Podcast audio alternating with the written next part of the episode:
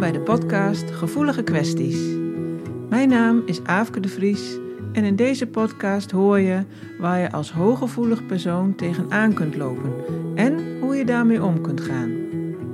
Dit doe ik door het delen van tips, ervaringsverhalen, interessante inzichten, informatie en interviews. Om jou te helpen jezelf beter te snappen en blijer te worden met jezelf. Ik wens je veel luisterplezier.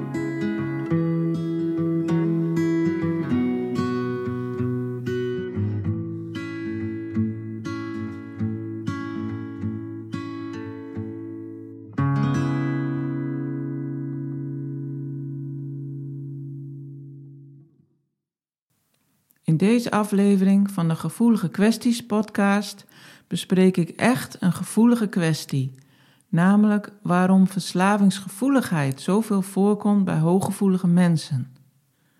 Ik zou natuurlijk kunnen zeggen dat het logisch is dat het veel voorkomt bij HSP's, omdat ze prikkelgevoelig zijn en dat willen verdoven, of dat ze hun emoties willen verdoven. Of bijvoorbeeld dat ze vaak onzeker zijn en zich door alcohol, drugs of medicijnen zelfverzekerder voelen en makkelijker contact kunnen maken met anderen. Maar dat is toch niet het volledige verhaal. En het verklaart ook niet het verschil met bijvoorbeeld een onzeker persoon die niet hooggevoelig is.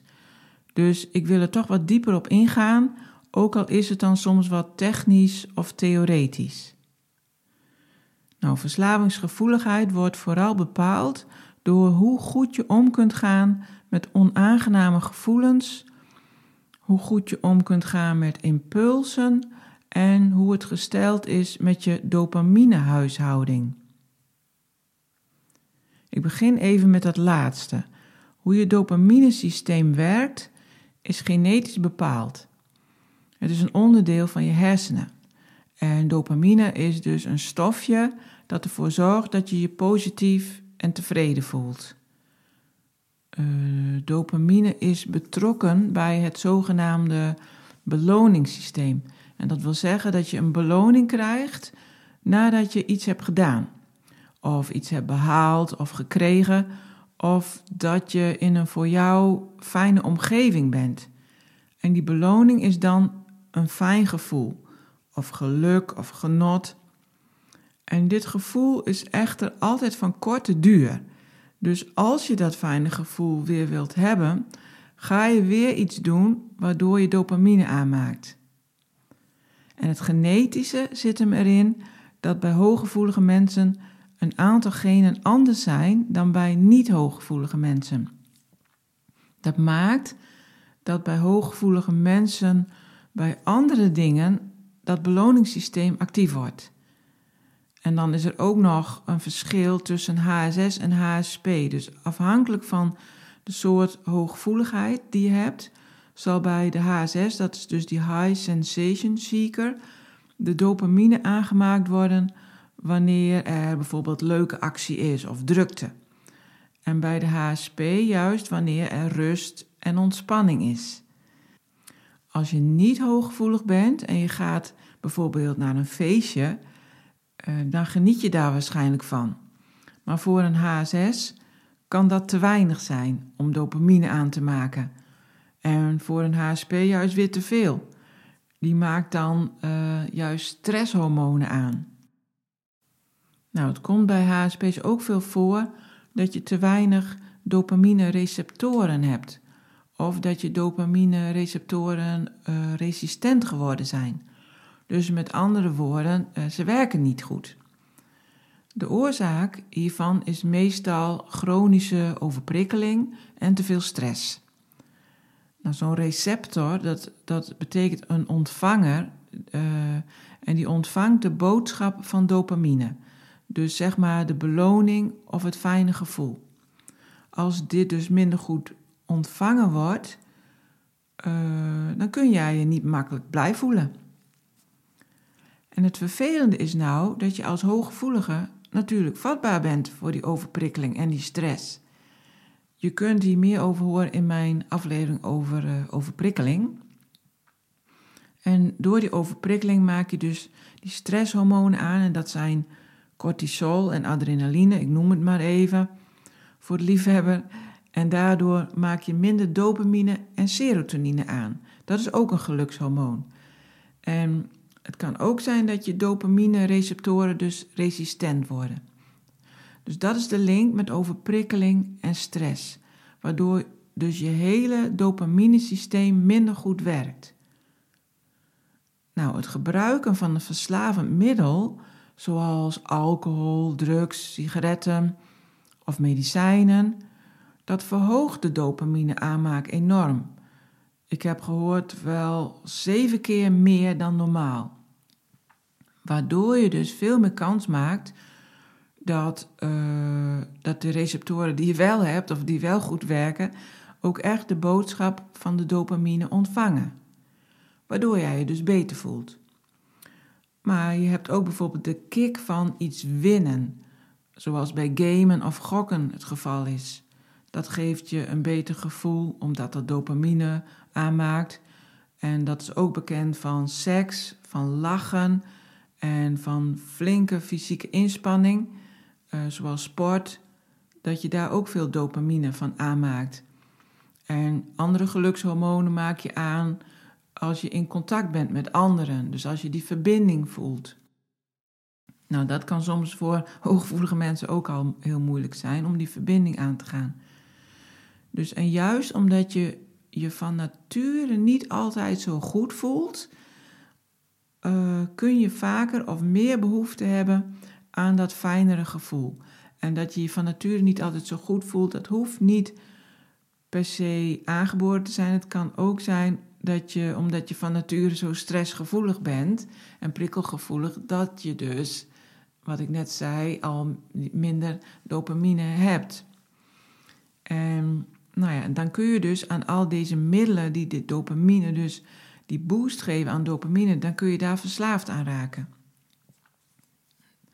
Nou, dopamine reguleert ook nog eens je insulinehuishouding. Dat is een heel technisch verhaal, maar kort gezegd komt het erop neer dat als je te veel dopamine hebt, dat je dan meer schommelingen krijgt in je bloedsuikerspiegel. En daardoor kun je je slap voelen uh, of uh, stemmingswisselingen krijgen. En als je weer te weinig dopamine hebt, dan heb je juist heel veel behoefte aan suiker. Daardoor kun je dus verslaafd raken aan suikers. Maar als je dat te veel neemt, uh, dat zijn ook, uh, kunnen ook suikers zijn in voeding, zoals fruit of koolhydraten, dan zorg je er weer voor dat je dopaminesysteem van slag raakt. Dus dat is eigenlijk zo'n heel vicieuze cirkel waar je dan in zit. En dat geldt dus ook voor al die verslavende middelen die ik noemde. Die, die zorgt ook voor dat je dopaminesysteem uiteindelijk niet meer goed werkt, niet meer op een natuurlijke manier. En als je dus stopt met zo'n middel, dan word je hartstikke depressief. Want de aanmaak van dopamine ligt dan helemaal stil, omdat het alsmaar gewend is dat er eerst een middel wordt toegediend om het systeem op gang te brengen. Nou, het andere punt, wat ik in het begin noemde, uh, dat vermogen om met impuls om te gaan, dat werkt met name bij mensen met ADHD of HSS, dus die High Sensation Seekers, minder goed. Dus ook de impuls om een middel te gaan gebruiken kun je moeilijker weerstaan. En eigenlijk is elke ADHD'er hooggevoelig. Dus hier zit zeker een overlap in de hersenstructuur. En wat je ook ziet bij mensen met ADHD of ook wel ADD, is dat veel onrust of chaos in het hoofd is.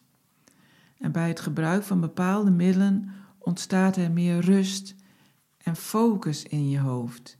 En dat is natuurlijk heel verleidelijk. Nou, het derde punt was: hoe kun je omgaan met onaangename gevoelens? Nou, dat wordt natuurlijk bepaald door meerdere factoren. Uh, je temperament of karakter, uh, het voorbeeld dat je ouders of opvoeders gaven, dus de situatie ook waarin je bent opgegroeid en wat je hebt meegemaakt, uh, maar ook de invloed bijvoorbeeld van school of de mensen waar je mee omging. Je hebt hierdoor een bepaald zelfbeeld ontwikkeld. En nou, daarbij kun je misschien ook wel angstig geworden zijn of onzeker. En dat kan allemaal van invloed zijn op hoe je nu met situaties of gevoelens om kunt gaan. Uh, ik zal eens een voorbeeld geven. Als je als kind bijvoorbeeld uh, niet de bevestiging kreeg van je ouders die je nodig had, uh, voor een kind, en zeker voor een hooggevoelig kind, staat dat gelijk aan afwijzing. Bovendien heb je sowieso al vaak het gevoel dat je anders bent en dat je er niet bij hoort. Nou, het gevolg daarvan kan zijn dat je op een grotendeels onbewust niveau leert, of beter gezegd, jezelf programmeert dat jij niet goed bent zoals je bent. En deze zelfafwijzing, die voelt op een gegeven moment bekend. En ja, eigenlijk vertrouwd. Het gaat bij je horen. Nou, die angst voor afwijzing door een ander, dat heeft eigenlijk elk mens, elk kind, elk dier. Dat is een oerangst. Bang om verstoten te worden en alleen achter te blijven. Als je als kind dus al zo bang bent om door je ouders afgewezen te worden of verlaten te worden, bijvoorbeeld, dan ontwikkel je enorme voelsprieten voor hoe je wel bevestiging krijgt en hoe je er wel voor zorgt uh, dat jij mag blijven of dat zij blijven en dat je aandacht en waardering krijgt. En die voelsprieten die gebruik je ook weer op school of bij de sportvereniging om te scannen, zeg maar, waar je dan wel bij kunt horen. Of wat je daarvoor moet doen. En soms is dat dus het gebruiken van een middel.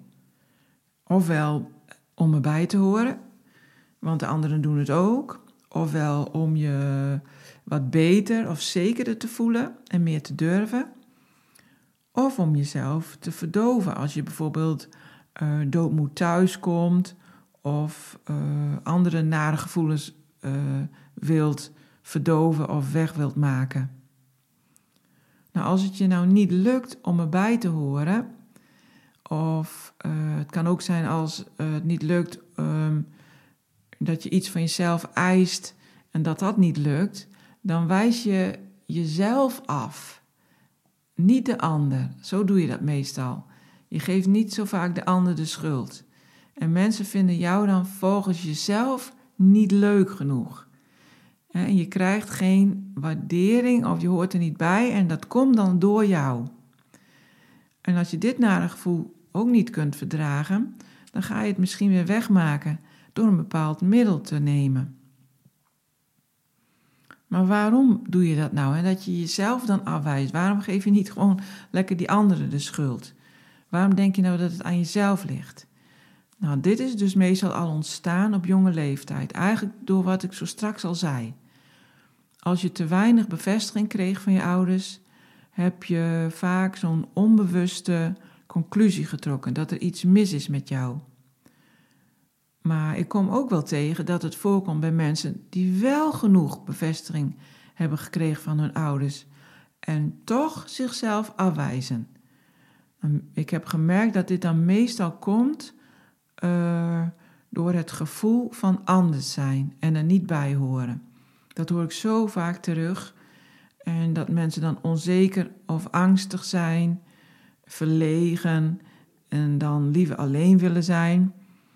Of ook wel eens dat ze de wereld overweldigend vinden. Dat soort dingen. Misschien herken je dat wel. En daarbij trekken ze dan de conclusie dat er iets mis is met hen, dat het aan henzelf ligt.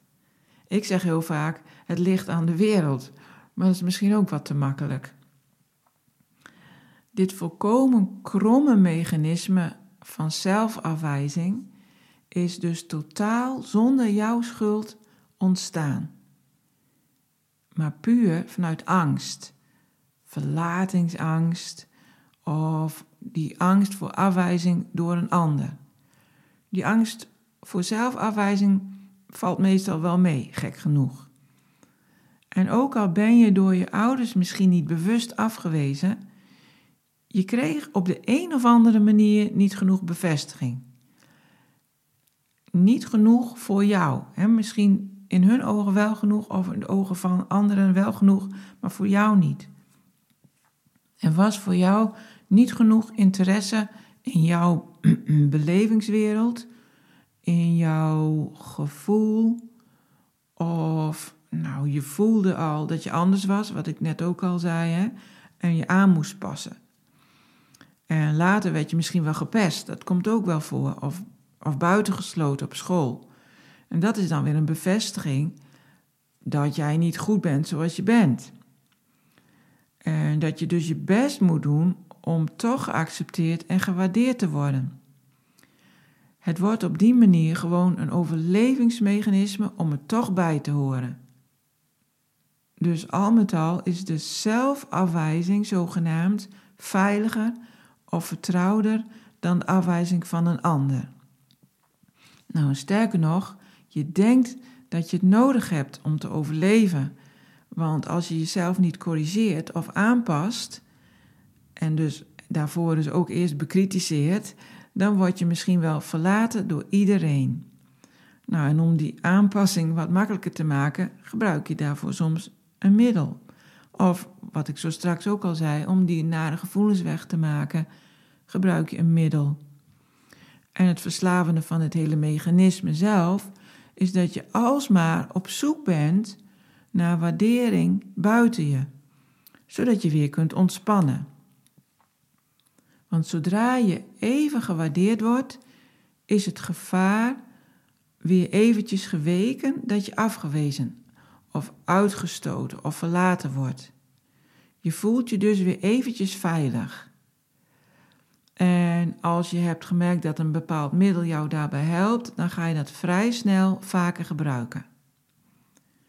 Een verslaving gaat dan ook eigenlijk altijd over iets vinden, iets toevoegen, voelen of waarnemen uh, wat jou een beter gevoel geeft. Of het wegmaken of verdoven van een onaangenaam gevoel. Maar het is altijd een illusie en het is tijdelijk. Maar ook al weet je dat, het gevoel dat je het weer nodig hebt, is vaak sterker. Daarom is het zo belangrijk dat je een alternatief hebt voor je middel. Een alternatief uh, waarbij eenzelfde soort effect optreedt, maar dan gezond. Um, dat kan natuurlijk sporten zijn of bewegen, maar dan wel op een gezonde manier. Of leuke dingen doen, daar maak je dopamine van aan. Uh, waardevol contact hebben met andere mensen, waarbij je jezelf kunt zijn.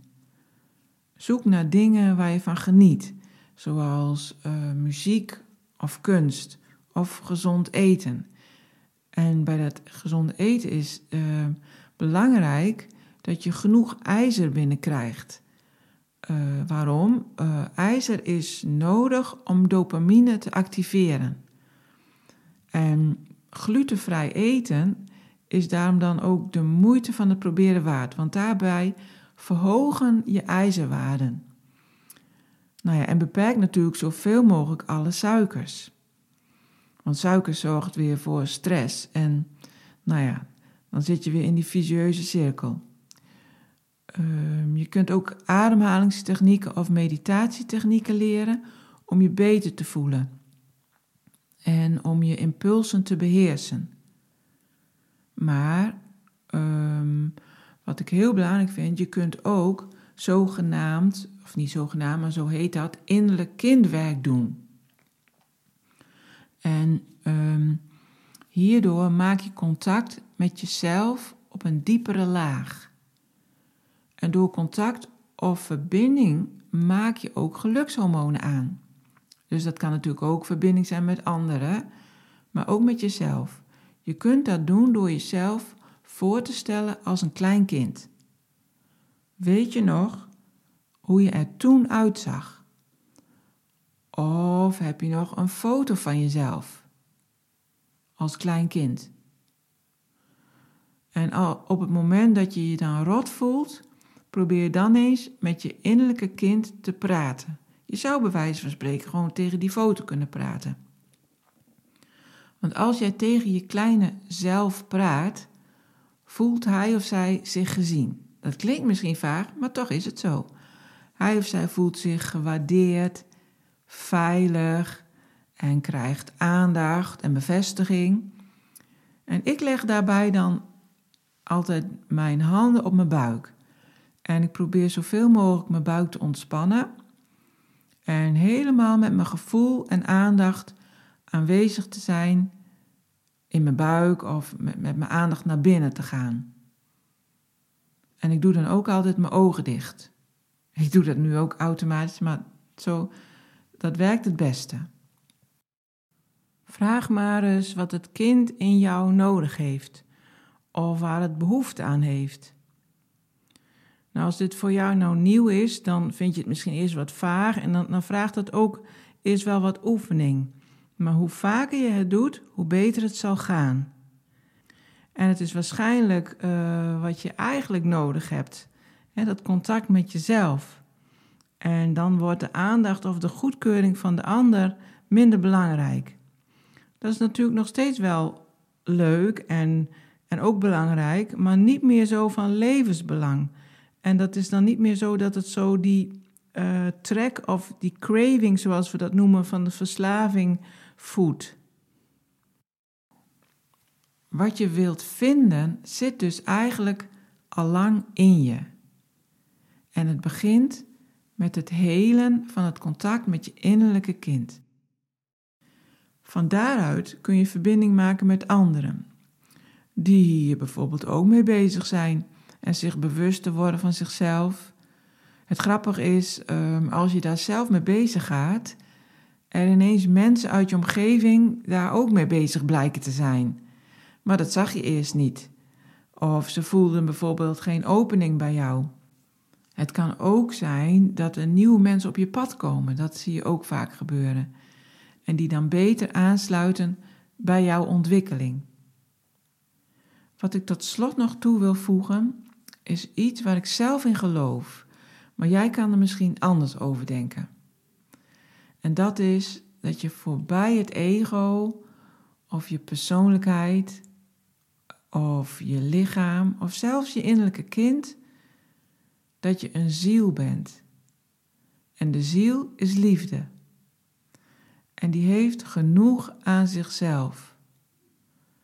Want de ziel kent geen afgescheidenheid. De ziel is altijd verbonden met andere zielen. Je bent nooit alleen. Er is geen afwijzing en je hoeft nergens aan te voldoen. Er is gewoon harmonie, rust, tevredenheid, warmte liefde. De ziel is liefde. Dat wil je uiteindelijk. En je gaat dat niet vinden via je ego, via gedachten, via een verslaving, via materie, prestaties, een carrière enzovoort. Maar dat denken we wel vaak heel lang, dat we het daar ergens kunnen vinden. En dat is op zich al verslavend. Binnenkort ga ik mensen interviewen die hulp verlenen aan mensen met een verslaving of zelf ervaringsdeskundigen zijn. Dit onderwerp komt dus nog terug in volgende afleveringen. Het kan natuurlijk zo zijn dat je al een hardnekkige verslaving ontwikkeld hebt, dat het je niet zelf lukt om te stoppen. Dan is het nodig om professionele hulp in te schakelen. En daar kom ik in de interviews op terug. Ik hoop dat je er wat meer inzicht in hebt gekregen en dat het je helpt jezelf beter te begrijpen. Wil je meer weten over jouw hooggevoeligheid en hoe je ermee om kunt gaan? Kijk dan eens op mijn website, waar je als deelnemer toegang kunt krijgen tot alle trainingen, waardoor jij in balans kunt komen en blijven.